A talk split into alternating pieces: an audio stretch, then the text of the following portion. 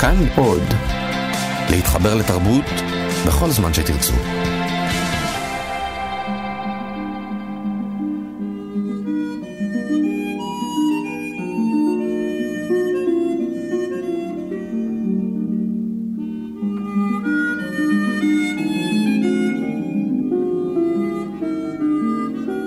האי ברחוב הציפורים. תסכית בהמשכים מאת אורי אורלב. ביימה יעל רבון.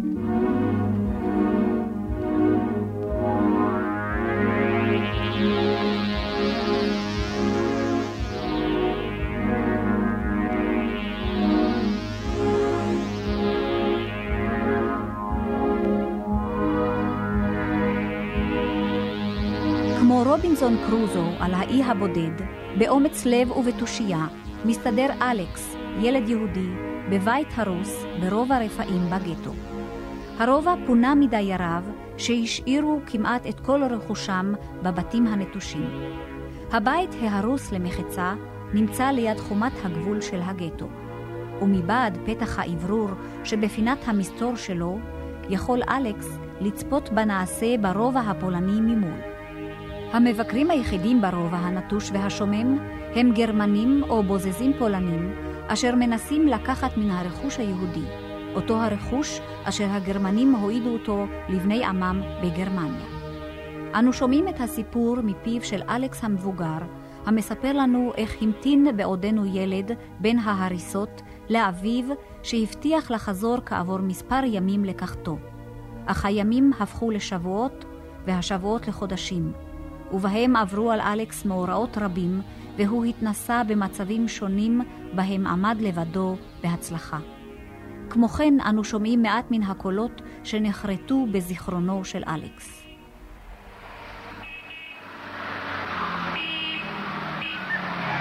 היה בדעתי לצאת שוב למחרת, אם כי לא הייתי בטוח שהמזל יאיר לי פנים יום אחרי יום. חשבתי אולי בכל זאת אמצא אוכל ששכחו באחת הדירות. קיוויתי. יצאתי בבוקר, ואז שמעתי את היריות ואת מנוע המכונית. הכל בא בברור מן הרחוב שלנו ולא מהצד הפולני. החלטתי להישאר במרתף. ישבתי קרוב לפתח והאזנתי למתרחש.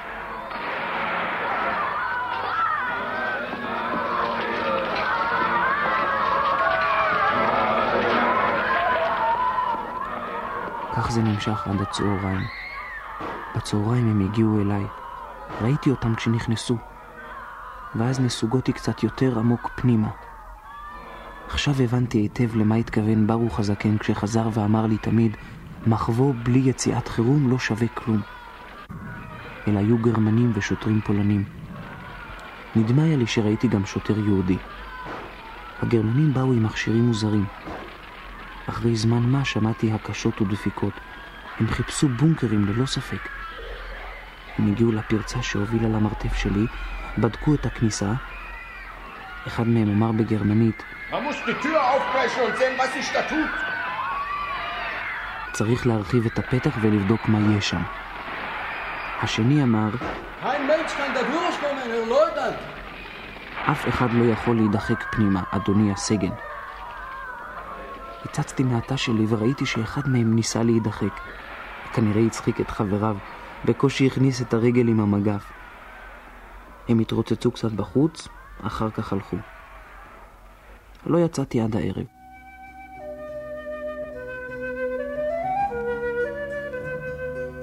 המחבוא שלי לא היה טוב, היה לי ברור. ואז, זו הפעם הראשונה, התחלתי לחשוב על הרצפות שהזדקרו מן החזית האחורית והיו תלויות מעל ההריסות בתוך הבית. הרעיון היה מצוין, אבל לא ידעתי לעוף. המקום היה מוקף סביב. איש לא יכול היה לראות מה נעשה על הרצפות התלויות, לא מתוך הבית ולא מן הבתים הסמוכים או מן הרחוב, אלא אם כן אציץ בעצמי מן החלון. אז יראו אותי מהצד הפולני. ואם יש שם באמת ארון אוורור כמו שרידי הארון בקומה הראשונה, אוכל להיכנס פנימה ולאחסן שם את חפציי, ואת שלג. ואם אצליח לעלות גם לרצפה הגבוהה יותר, יהיה לי בית בין שתי קומות.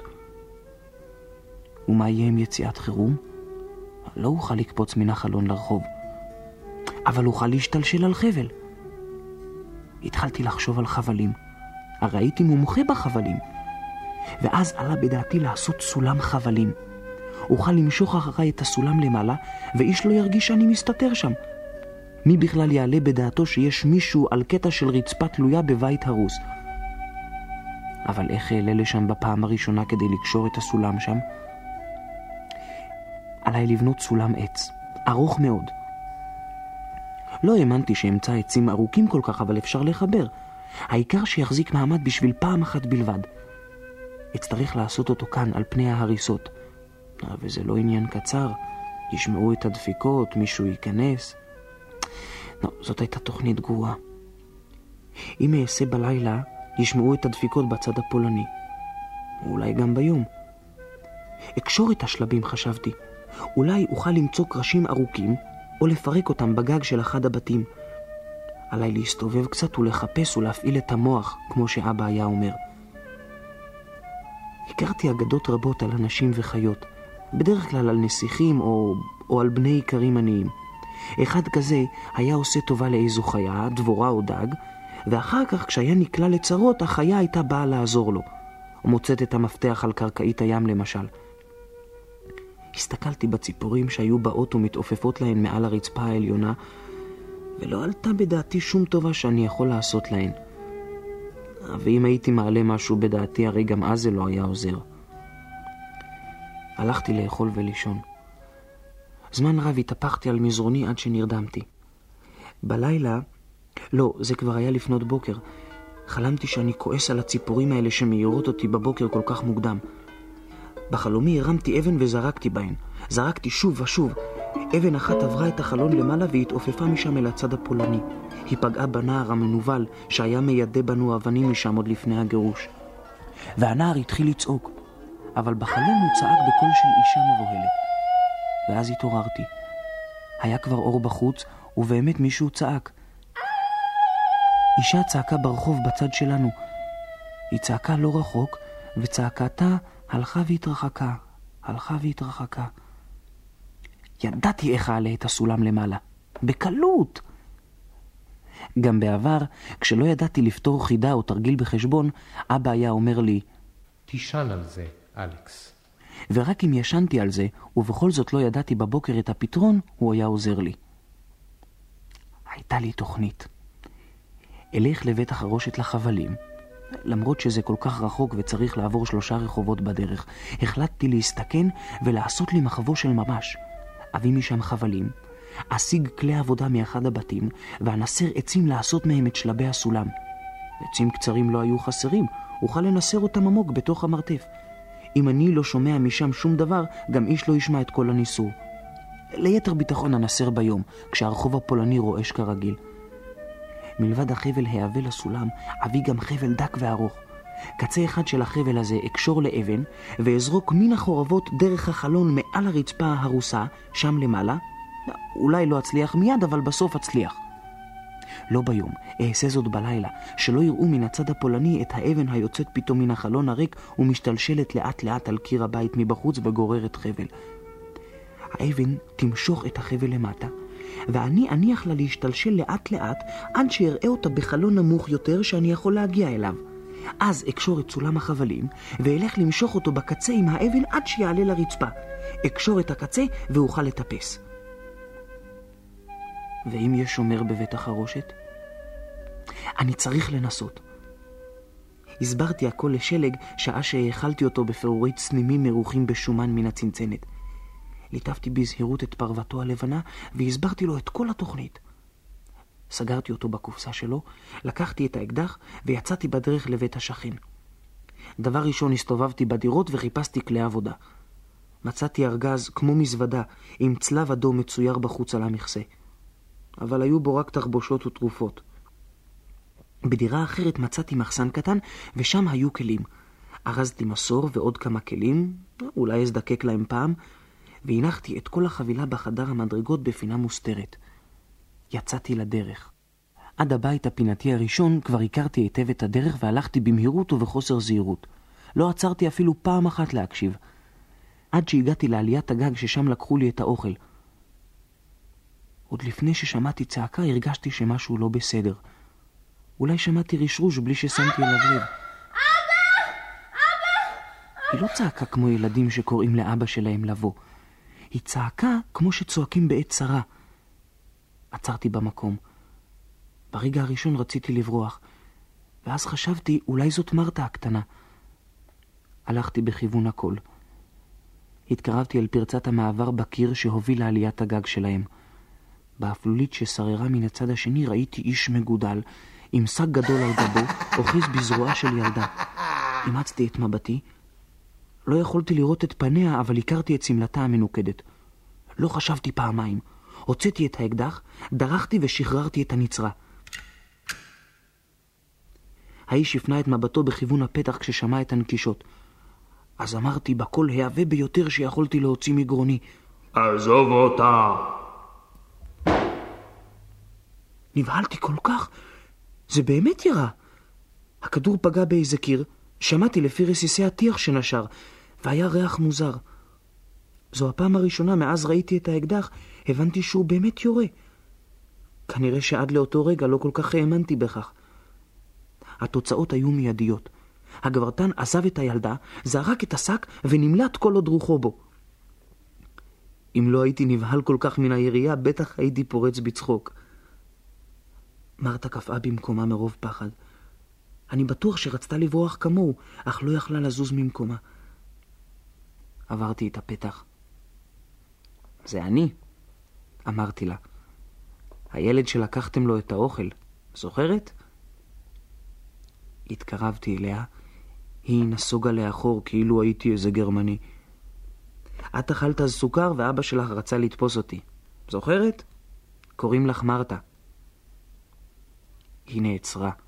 מי צעק קודם? ניסיתי לחזור ולדבר בקול עבה כזה כמו קודם, אבל לא הצלחתי. בכל אופן זה היה קול די נמוך. אני דיברתי. נדמה לי שהיא חייכה. ומה היה? מה היה? בום טראח? לקחתי אבן ודפקתי על פח, הסברתי לה. זה היה כמו, כמו ירייה אמיתית, ואפילו משהו נפל שם מהקיר. לא עניתי.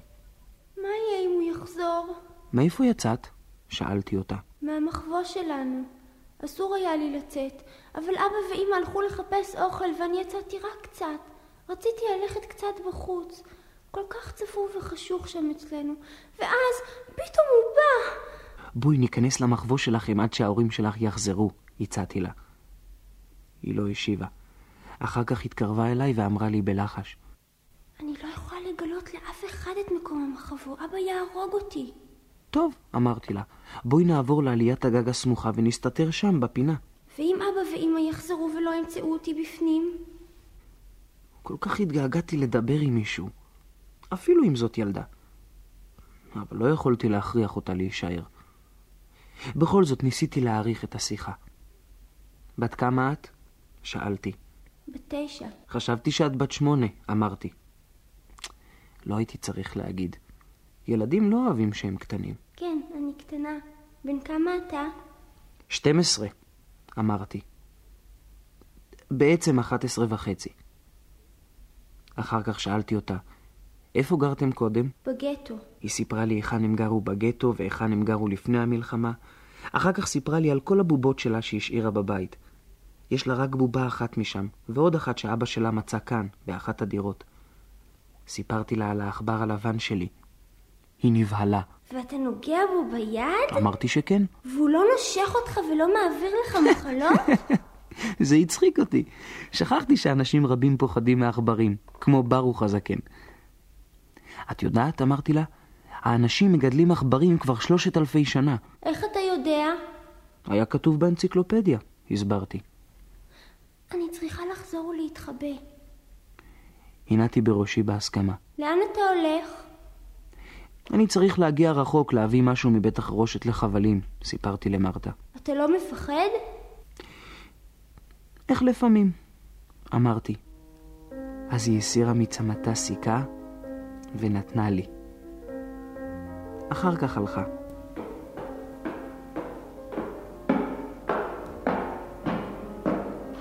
הקשבתי רגע איך היא יורדת במדרגות.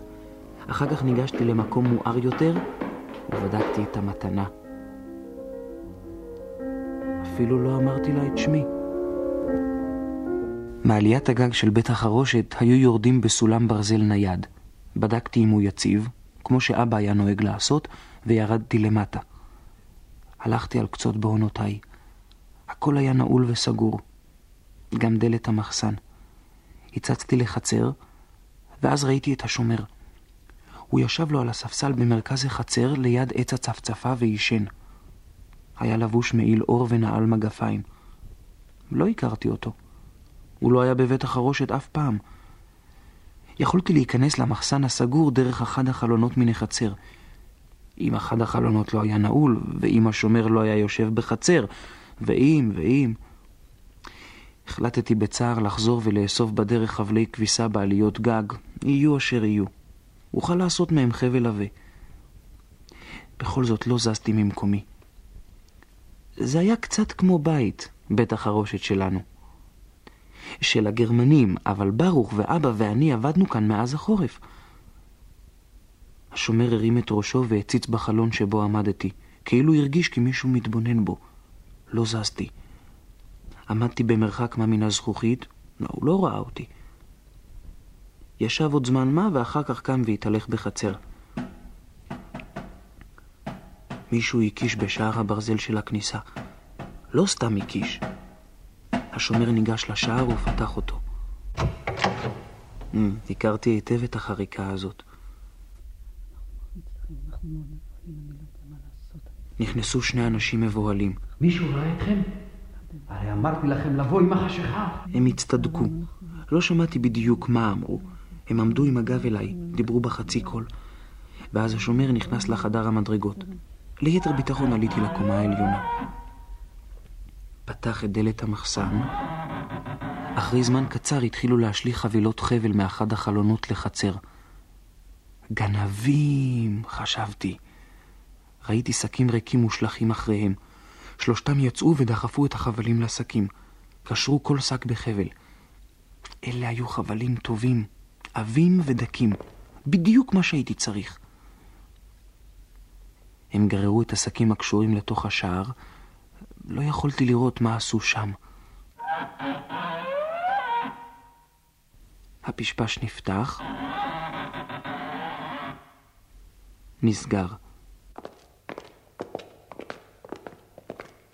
צעדי שלושתם. סוף סוף היה שקט.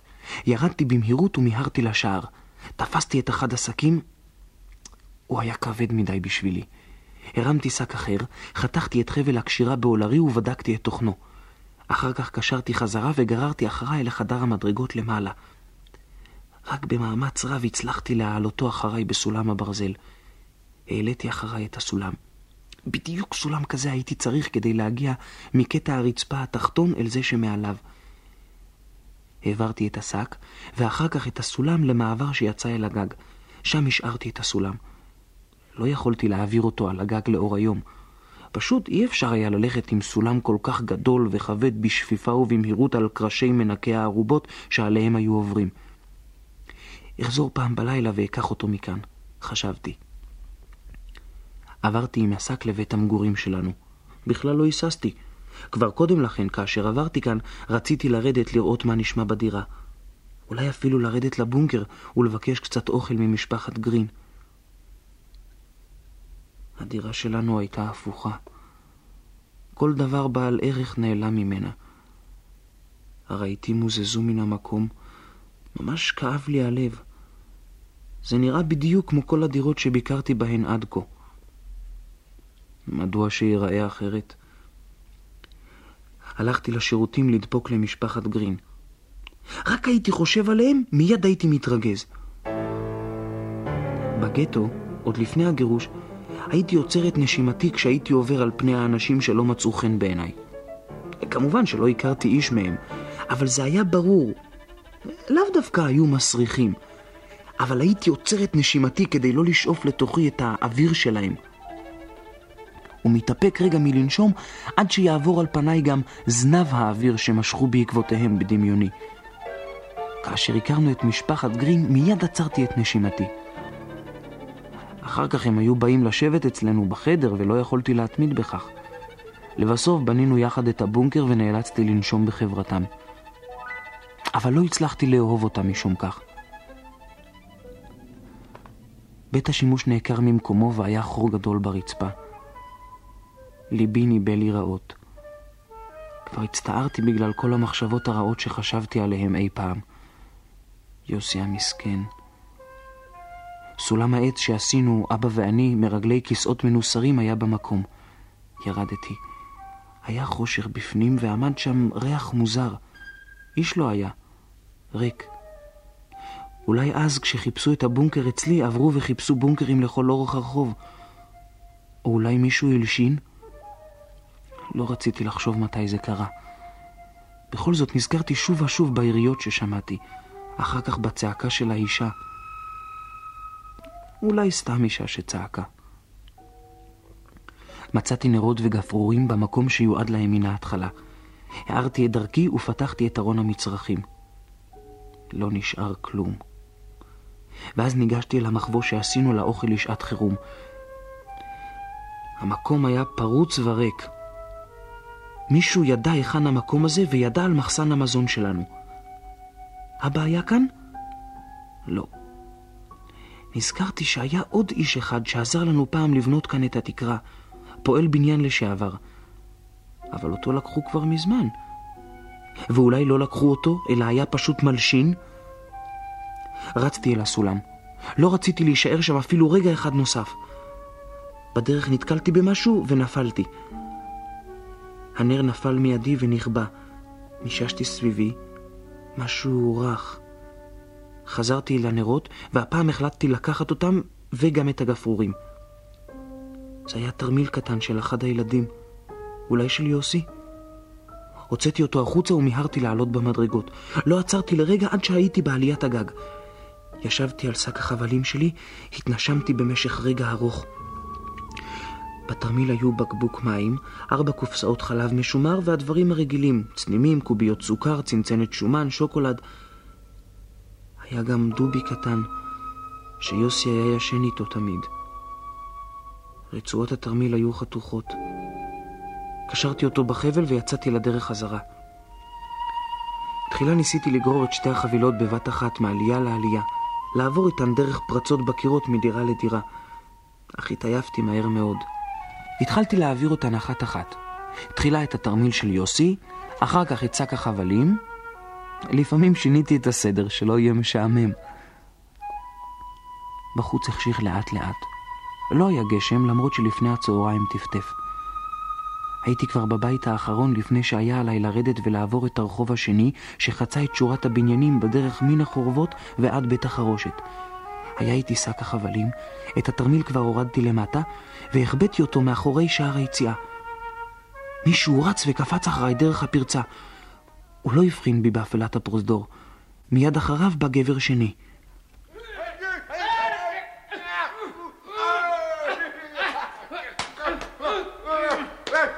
לאט לאט פניתי הצידה והתחבאתי באחד החדרים. צעקה כמעט נפלטה מפי. עמד שם גבר שלישי, ובאור החלש שבא מן החלון ראיתי שהוא מחזיק חליפות גברים על זרועו. הוא הניח את אצבעו על שפתיו ולחש לי לשתוק. שתקתי. הקשבנו שנינו לנעשה בפרוזדור. לא, מנוול, תעזוב את הסכין! ישו, מריה, הצילו!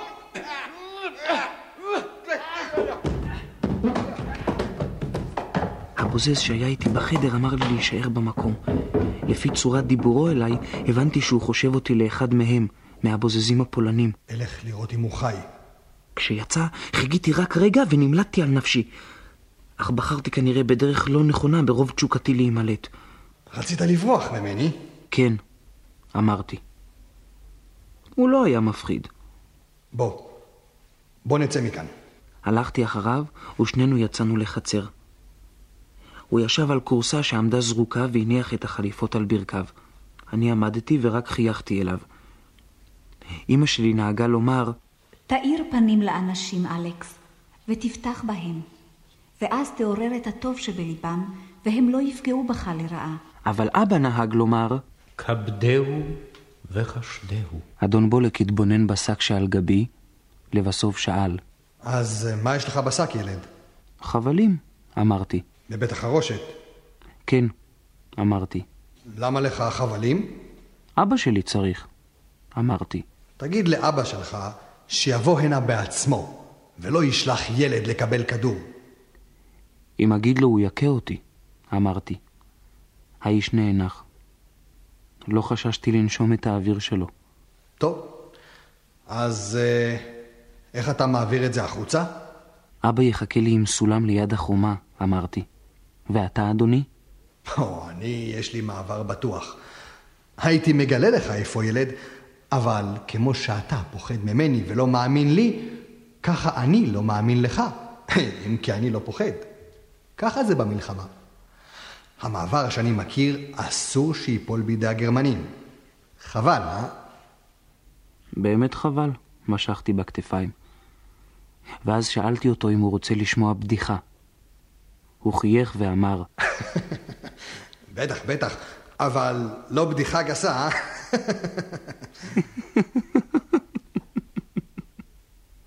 צחקנו שנינו. ואז סיפרתי לו את הבדיחה על שני האנשים אשר התווכחו ביניהם. אחד אמר, עכשיו בוקר. השני אמר, לא נכון, עכשיו ערב. הראשון אמר, אני אומר לך שעכשיו בוקר. אבל השני התרגז ואמר, אתה לא רואה שעכשיו ערב? כך הם התווכחו עד שעבר שם איש שלישי. הם עצרו אותו ושאלו, סליחה אדוני, עכשיו בוקר או ערב? הוא חשב רגע ואמר להם, מצטער, אני לא מקומי.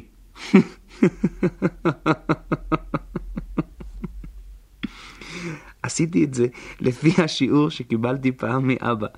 הוא נהג לומר לי, עם פולנים יש לדבר בביטחון, אפילו קצת בחוצפה, ולהצחיק אותם. לא ידעתי בדיוק איך מצחיקים, אז סיפרתי לו את הבדיחה, וזה הצליח. אה, את המעבר שלי לא אוכל לגלות לך, ילד, אבל אם תצטרך פעם עזרה, בוא אליי ואעשה כמיטב יכולתי. הוא אמר לי את כתובתו. הכרתי את הרחוב שגר בו. היינו עוברים שם לפני המלחמה בדרך לבקר את סבתא. זה גם לא היה רחוק מן הבית ההרוס. כלומר, אם לא הייתה שם חומה שהפרידה בין הגטו לבין האזור הפולני. תשאל על בולק. אני השוער שם. מה שמך? אלכס, אמרתי. פתאום קם וניגש אליי. לא ברחתי. הוא מישש את השק שעל גבי ואמר, באמת חבלים? ואז נפרדנו. הוא חזר ועלה למעלה לתוך הבית. אני יצאתי לרחוב ועברתי בריצה אל הצד השני. אחר כך חזרתי ולקחתי את התרמיל. מוזר שאיש כזה נחמד בא לאסוף חליפות. אולי לפני המלחמה הוא היה מורה. אבא היה אומר, מה לא עושים למען הפרנסה? אבל אמא אמרה תמיד, לא הכסף עושה את האדם. למחרת מוקדם בבוקר, כאשר התחילו חיי היום בצד הפולני, אספתי עצים בסביבה הקרובה ונכנסתי עמוק לתוך מערכת המרתפים כדי לנסר את שלבי הסולם. כאשר הייתי מנסר עם אבא, בדרך כלל אני הייתי רק מחזיק. או כאשר ניסרנו במסור הגדול, המסור לשניים, אז הייתי מושך את המסור לצד אחד, והוא היה מושך אותו לצד השני, הקשה. הפעם היה לי מסור יד לא גדול. השענתי את רגלי על העץ וניסרתי. תחילה מיהרתי יותר מדי והתעייפתי מהר. אך עד מהרה סיגלתי לעצמי קצב עבודה שלא עייף אותי מדי, והעבודה התקדמה במהירות. לא התקשיתי לעשות את סולם החבלים, שהרי הייתי מומחה לקשרים למיניהם, עוד מן המחסן בבית החרושת. אבל לא הייתי בטוח ביחס לאורכו של הסולם, וחבל היה לי לחתוך סתם את החבל הארוך. לקחתי מוט וניסיתי למדוד את המרחק. לא בבת אחת. תחילה מדדתי מן הרצפה הראשונה ועד החלון. מן הצד כמובן, שלא יראו אותי הפולנים. אחר כך מדדתי את החלון עצמו. לבסוף עשיתי הערכה של המרחק מן החלון ועד הרצפה המכוסה בהריסות, והוספתי עוד חתיכה כזאת. עד כמה שהבנתי, כל הקומות בבית אחד הן בגובה שווה. אם היה לי מטר נגרים, אני חושב שהייתי יודע למדוד את הכל בעזרתו. אך הסתדרתי יפה גם בלעדיו. בעצם נהגתי קצת בחוסר זהירות. הסתובבתי שם על פני החורבות כאילו איש לא יכול להפתיע אותי ולהיכנס מן הרחוב. אחר כך חשבתי על זה, והחלטתי להיות יותר זהיר. לא יכולתי לסבול את המחשבה שאבא יבוא ולא ימצא אותי כאן, ויחשוב שאני כבר מת. אחרי שהסולם היה מוכן, ועד שהחשיך, הלכתי לדבר עם שלג. באמת ניסרתי עצים רבים מדי. את השלבים שלא הייתי זקוק להם זרקתי באחד התאים במרתף. הפעם לא דיברתי עם שלג על סוף המלחמה ומה נעשה אז. גם לא סיפרתי לו בדיחות שאפילו אותי כבר חדלו להצחיק. רק ניסיתי להסביר לו איך בדיוק אעלה את הסולם למעלה. חבל שלא יכולתי לעשות זאת לאור היום.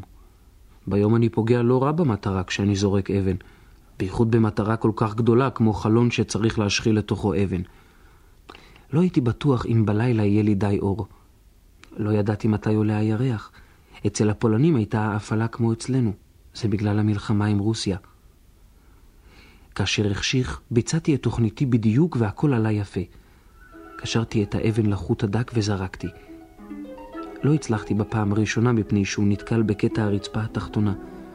בכלל, אקרא מעתה והלאה לקטע הרצפה התחתונה רצפה תחתונה, ולזה שמעליו רצפה עליונה, למרות שאלה היו רצפות של קומה שנייה ושלישית. אסביר לכם איך תליתי את הסולם בצורה ברורה. ובכן, לפניי הייתה חזית של בית, הצד הפנימי של החזית, כשרוב הרצפות והקירות הרוסים וחסרים. זאת אומרת, בכל קומה הייתה שורה של חלונות ריקים ופרוצים לשני הכיוונים. אליי, כלומר לחצר המלאה הריסות, והחוצה לצד הרחוב הפולני החצוי בחומה. בצד שלי של החומה היה הגטו. אפשר היה לזרוק אבן דרך כל חלון, ואז האבן הייתה מתעופפת לצד הפולני של הרחוב מעל החומה המפרידה. קטע הרצפה שנשאר תלוי בפינה, ואשר אליו רציתי לעלות, היה ליד החלון. היה שם עוד חלון אחד, ממש מעל הרצפה התחתונה. עכשיו אני מדבר על החלון אשר בקצה, ליד הרצפה התחתונה, זה שיכולתי להשחיל דרכו אבן. בדיוק מתחתיו, במקום לשם יכולתי לטפס, אמנם בסכנת נפשות, על שברי המדרגות, היה עוד חלון, פרוץ כמוהו. פשוט קומה אחת נמוך יותר, אבל באותו מקום. ובכן, קשרתי חוט דק, לא כבד, לאבן, והשלכתי אותה אל החלון שליד הרצפה שלי. האבן לא התעופפה לצד הפולני, כלומר, היא התעופפה בכיוון לשם, אך מכיוון שהייתה קשורה לחוט, חזרה ונפלה, ונשארה תלויה על קיר הבית מבחוץ. עכשיו שחררתי את החוט, והאבן ירדה עד שראיתי אותה בחלון מתחת לזה בו השחלתי אותה עם החוט. בקצה השני של החוט הדק קשרתי את הסולם. בקצה האחר, המשתלשל, הייתה האבן. כשירדה, תפסתי בה ומשכתי, והחוט משך את הסולם למעלה עד שהוא הגיע לשולי הרצפה שלי. טיפסתי עליו והגעתי לרצפה. איזו רצפה נהדרת שזו הייתה. נכון, מלאה לכלוך. התחלתי לבעוט בו. הפסקתי מיד. אסור לעשות רעש כזה בלילה. קשרתי את הסולם היטב לצינור שמצאתי ליד הקיר. אולי צינור מים או סתם איזה ברזל. היה קשה לראות בחושך, ופחדתי להאיר בפנס יותר מרגע כשאני מאהיל עליו היטב בכף ידי. עכשיו הסולם היה תלוי כמו סולם, ישר ומתנדנד, כמו באונייה. ירדתי בו ועליתי.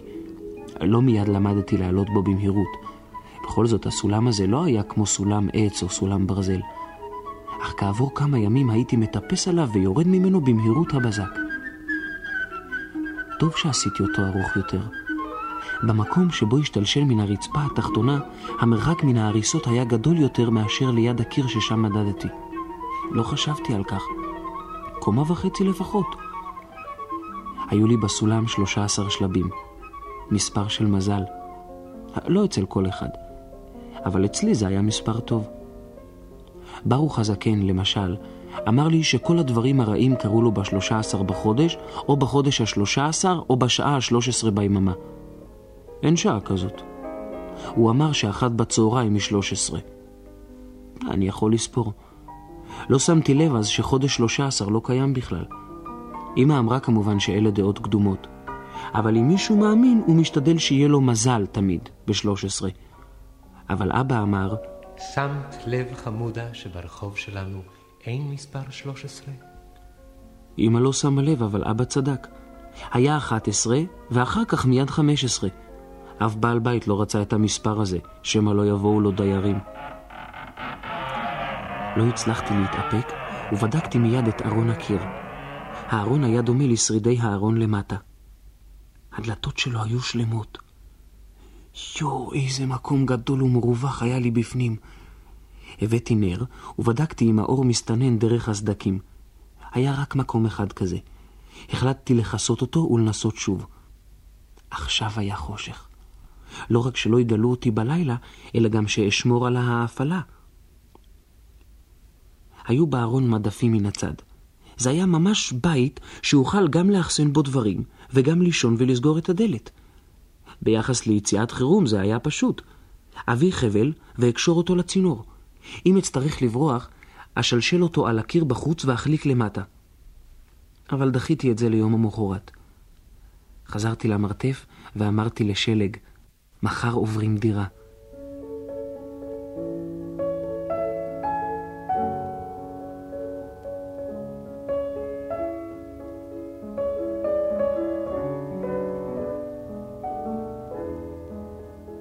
כשעברנו לגטו מן הדירה שלנו, אמא אמרה לי, מחר עוברים דירה, וצחקה. אבל ראיתי שבעיניים שלה התנוצצו דמעות.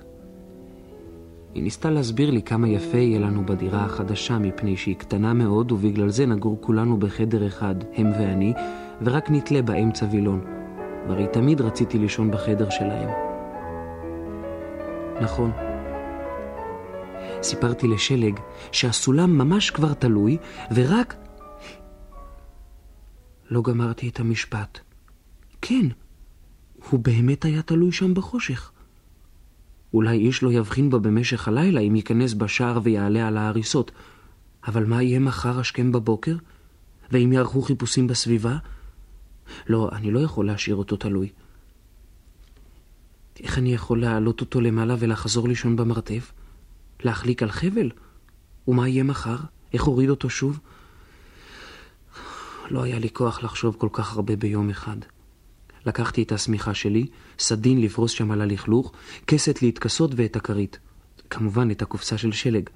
קשרתי את הכל בחבילה ועליתי במאמץ רב כשהחבילה קשורה על מותניי. חשבתי רגע, שוב ירדתי, וארזתי בשק את מעט האוכל שעוד נשאר. זאת הייתה דאגתי העיקרית. בהרגשה חגיגית הרמתי אחריי את הסולם וסגרתי את דלת הארון. היו בארון שני חורי אוורור שאפשר היה לפתוח ולסגור. חורים עגולים מכוסים במכסי מתכת שמסובבים כדי שהחריצים ייפתחו או ייסגרו, לפי הרצון, כמו בבית הישן שלנו. הלכתי לישון בהרגשה טובה, כאילו אני עשיר מאוד.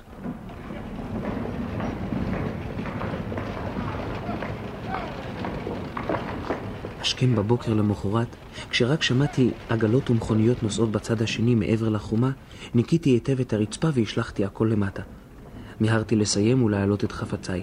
העליתי את הבגדים, את בקבוקי המים, את ספריי. לא יכולתי להעלות את המזרון. החלטתי להביא במקומו קסתות אחדות מן הבית השכן. ואז עלה בדעתי לבדוק את הברז. אם למעלה יש מים, מדוע שלא יהיו כאן? מניתי אחת, שתיים, ושלוש. היו מים. בדיוק כמו ברצפה העליונה, בברז של הציפורים. סחבתי את הבקבוקים המלאים לחינם. והם היו כל כך כבדים. היה עליי לחשוב, אם יש מים למעלה, בוודאי יש גם כאן. למי שאין בראש, יש לו ברגליים. באמת כאבו לי כבר הרגליים מן הטיפוס הלוך וחזור. כשהכל היה למעלה, ידעתי שיש לי בעיה. מה אעשה אחרי שארד להביא משהו ולא ארצה שהסולם יישאר תלוי אחריי כמו אתמול? החלטתי לנסות. קשרתי חבל לשלב התחתון של הסולם, השחלתי אותו בטבעת ברזל בתחתית החלון למעלה, טבעת שהחלון היה פעם ננעל עליה. משכתי בחבל. הסולם התקפל ועלה רק בחלקו. חלקו האחר נשאר תלוי. שלא לדבר על החבל שמשכתי בעזרתו ואשר נשאר עכשיו גלוי לעין. לעניין הזה מצאתי מיד פתרון. הבית היה בית ישן, כמו שלנו, וכל כבלי החשמל היו מחוברים בחוץ על פני הקירות, ועכשיו הם היו תלויים בכל מקום קרועים ותלושים.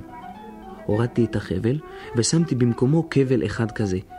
כאשר אשאיר אותו תלוי ליד הקיר, הוא לא יעורר תשומת לב. הייתי בטוח בכך. חזרתי ועשיתי ניסיונות עם הסולם. לאט לאט התגבש הפתרון. את כבל החשמל השחלתי על מוט ברזל שבלט מן הרצפה העליונה, כלומר מן התקרה שלי. ואז משכתי את הסולם גבוה, ועזבתי אותו שיפול אצלי על הרצפה לרגלי ארון האוורור שלי.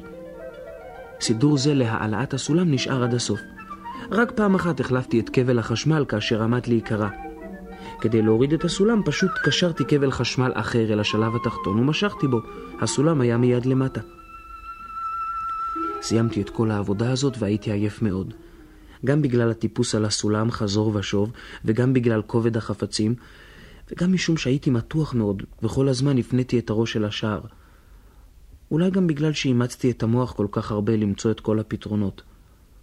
אבא היה צוחק, אבל אמא אמרה שמחשבה מאומצת מעייפת בדיוק כמו עבודה קשה. אמא ידעה, מפני שהיא הייתה תמיד חושבת הרבה. עוד באותו יום, אחרי הצהריים, עברתי לבית השכן והבאתי שתי קסתות גדולות ושמיכות דקות לפרוס על הרצפה ולכסות את הדלתות מבפנים. בערב סגרתי את הדלתות והאכלתי את שלג. אחר כך נתתי לו חופש בפנים. הוא לא יכול לצאת.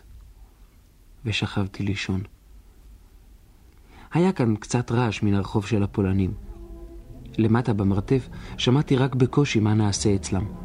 כאן שמעתי ממש קולות. קצת מרוחקים בגלל שהייתי גבוה מעליהם, אך יכולתי להבין לפעמים מה אומרים. כיביתי את הנר ופתחתי את פתח האוורור. הירח עלה וראיתי את הרחוב כולו, גם את החנויות שתמיד הסתירה החומה. הכל היה חשוך בגלל ההפעלה וריק בגלל העוצר. מישהו חמק ליד הקיר. נפתחה דלת, וכתם אור גדול נזרק אל המדרכה ואל הכביש. ראיתי בפנים חדר גדול מלא עשן, ואנשים יושבים ליד שולחנות קטנים. עכשיו ידעתי שהמוזיקה ששמעתי לעתים בלילות לא בקעה ממקלט רדיו, כפי שחשבתי תמיד, אלא מן המקום הזה.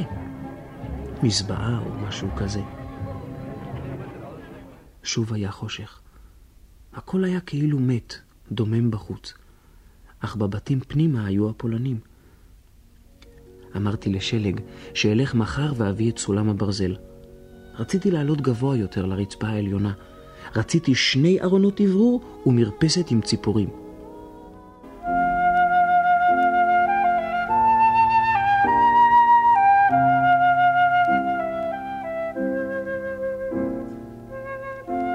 החלטתי לקום מוקדם מאוד בבוקר כשעדיין אפור בחוץ. נדמה היה לי שבשעה מוקדמת כל כך עדיין לא מסתובבים הבוזזים הפולנים בבתים השכנים, ואלה של הלילה עזבו כבר. אבל לא התעוררתי, למרות ציוץ הציפורים על הרצפה העליונה. יצאתי מן הארון, ובחוץ היה יום יפה של סתיו. התמתחתי והחנקתי את כל הפיהוק. הסתכלתי למטה לשער, אבל לא ראיתי את הפתח.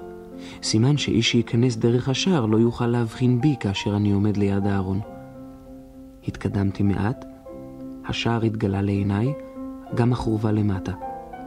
קראתי על ברכיי וסימנתי בעיפרון אדום שלקחתי מחדר הילדים בבית השכן קו על הרצפה. אסרתי על עצמי לעבור את הקו הזה בעמידה. אחר כך סימנתי לי קו בצבע ירוק בשביל עמידה על הברכיים. ישבתי לאכול בפתח הארון והאכלתי את שלג. פתאום שמעתי את המכונית מתקרבת ברחוב מצד הגטו. סגרתי את הדלת של הארון, למרות שידעתי בבירור שאי אפשר לראות את הארון הזה משום מקום, אלא אם כן מביאים סולם או מטפסים על הקיר ממול, דבר בלתי אפשרי ללא מבנה מתאים. אני נשארתי בחוץ, שוכב על הרצפה. הם באו ישר לבית שלי. האם שלחו מכונית כדי לתפוס כאן ילד? אולי חשבו שיש כאן אנשים רבים? כל כך הרבה הסתובבתי ביומיים האחרונים. אולי מישהו ראה או שמע רשרושים? אבל הרי כל כך הקפדתי ללכת בלי להשמיע קול. האם מישהו הציץ פנימה כשהייתי עסוק בהתקנת הסולם ורק עכשיו הם באו לבדוק? אשליך את החבל מאחור ואנסה לברוח. הייתי מוכן. אלא ששלג היה בפנים. הייתי צריך להשאיר אותו בחוץ. אבל פחדתי לזוז עכשיו.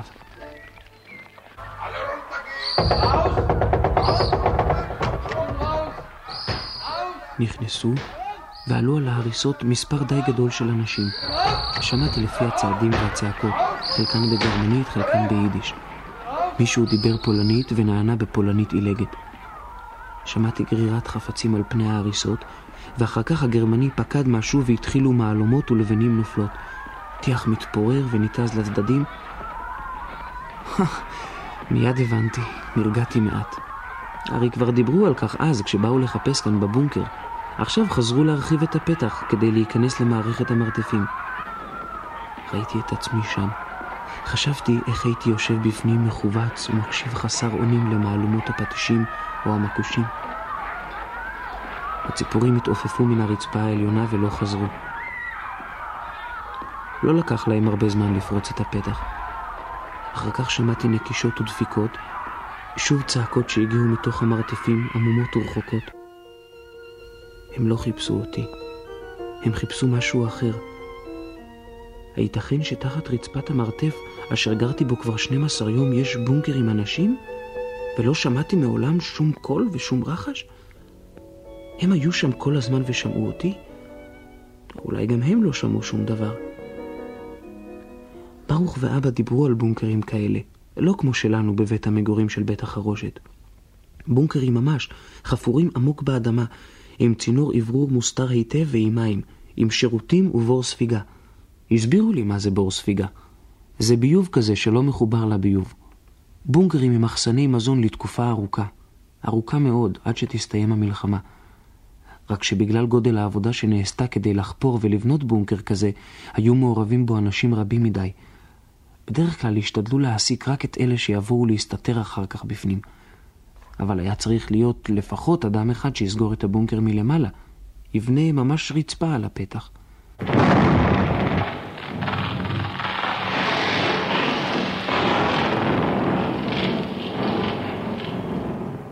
טיח נפל על ראשי מן הרצפה העליונה. לרגע נבהלתי. חשבתי שכל הרצפה תיפול. היה שקט, אחר כך צעקה של אנשים רבים, בכי ויללה, שכאילו יצאו מתחת לאדמה. היריות היו קרובות מאוד. קיוויתי שהם סתם יורים בחוץ להפחיד את המסתתרים. הם התחילו לצאת. עתה לא צעק איש. רק הילדים בכו והמבוגרים היו נאנחים. לא העזתי להתקרב לשולי הרצפה. אולי אחד מהם ירים את ראשו בדיוק באותו הרגע. הם עלו ויצאו משם זמן רב. זמן רב צעקו הגרמנים והשוטרים, וזמן רב שמעתי את הצעדים העוברים מן החורבות לשער, מחליקים ומועדים לפעמים, ושברי טיח ולבנים מדרדרות. מישהו נפל פעם או פעמיים. שוב ירה איזה גרמני, אך איש לא צעק. גם הילדים חדלו לבכות לזמן מה. ואז הם הלכו. עוד שמעתי את קולותיהם בחוץ ברחוב, ליד השער. אחר כך צעקות כשסידרו אותם בשלשות, כמו שסידרו אותנו. והם צעדו משם, צעדו והתרחקו. עוד כמה יריות, לבסוף התניעו את המכונית והיא התרחקה.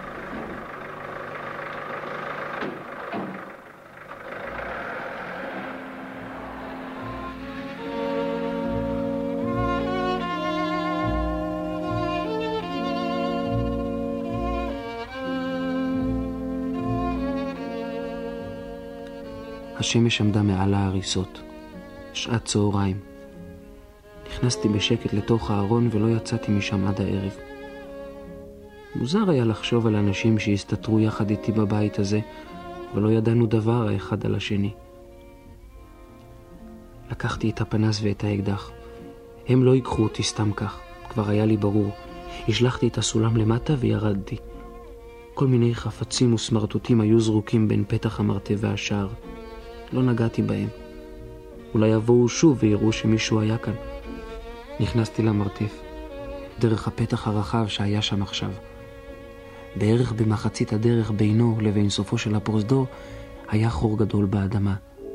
הארתי פנימה, ראיתי אולם גדול, נמוך וארוך, כמו מקלטים בזמן ההפצצות. אולי באמת היה זה פשוט המקלט של הבית? לא ייתכן. המרתף שימש להם בוודאי מקלט. מדרגות עץ הובילו מלמטה אל הפתח שנפער אחרי הפיצוץ של הגרמנים.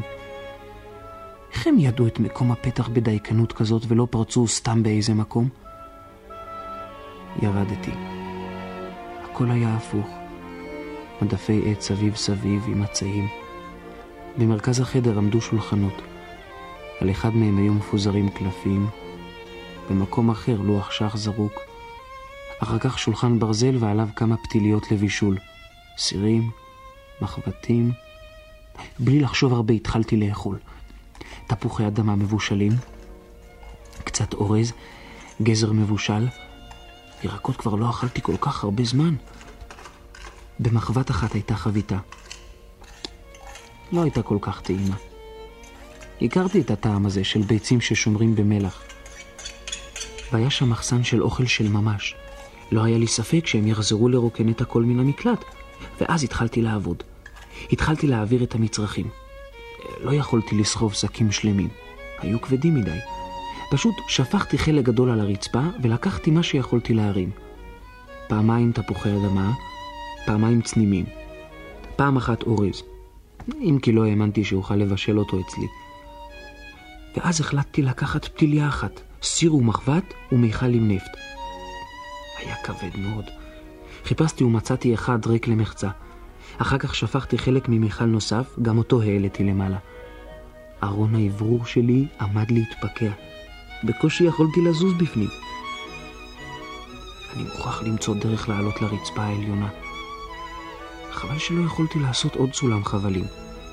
כלומר, סולם יכולתי לעשות. היה לי די חבל ודי שלבים מוכנים.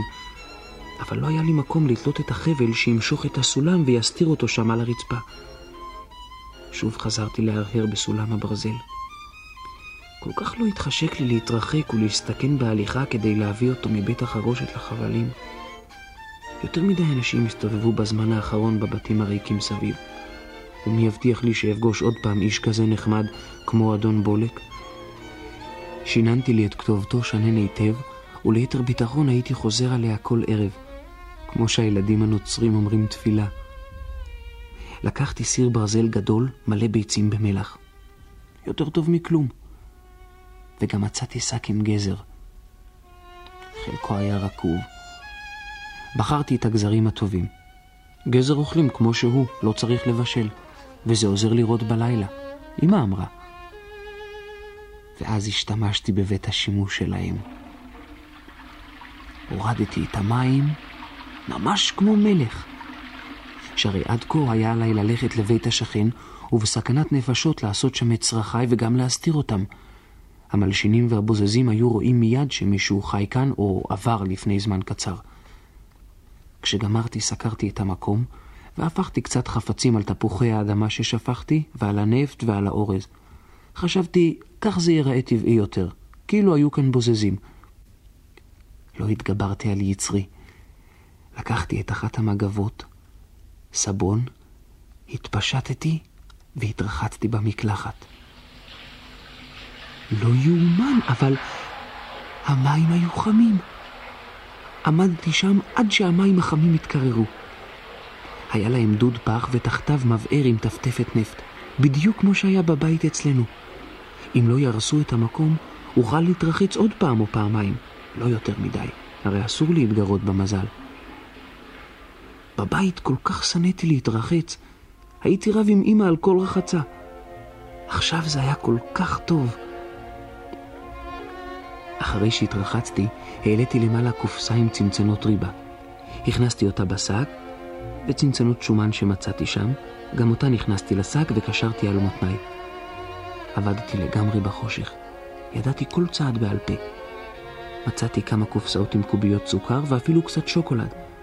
מצאתי משקפת קטנה וספרי ילדים, רק את הסרדינים לא מצאתי. ולפי הקופסאות הפתוחות בדלי האשפה הבנתי שהיו להם סרדינים. אולי השוטרים לקחו. נבהלתי. הם בוודאי יחזרו לגמור את המלאכה. השכם בבוקר למחרת הם הגיעו ורוקנו את הכל. שמעתי את הקללות. אחרי הצהריים באו שני חיילים גרמנים. לא ראיתי, אבל שמעתי לפי הכל. הם הסתובבו שם קצת, דיברו, ופתאום ברחו מהר החוצה.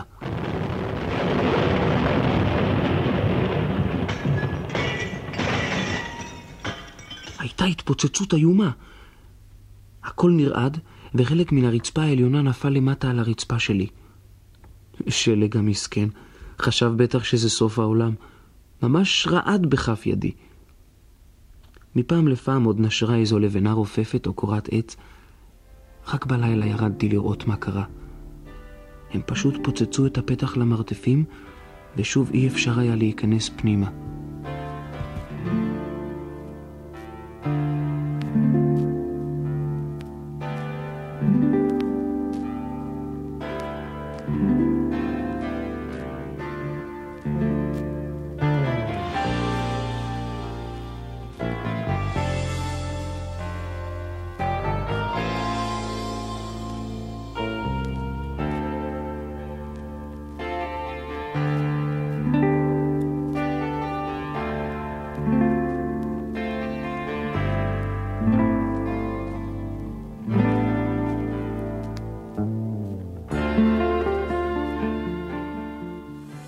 ישראל, אוצרות הארכיון.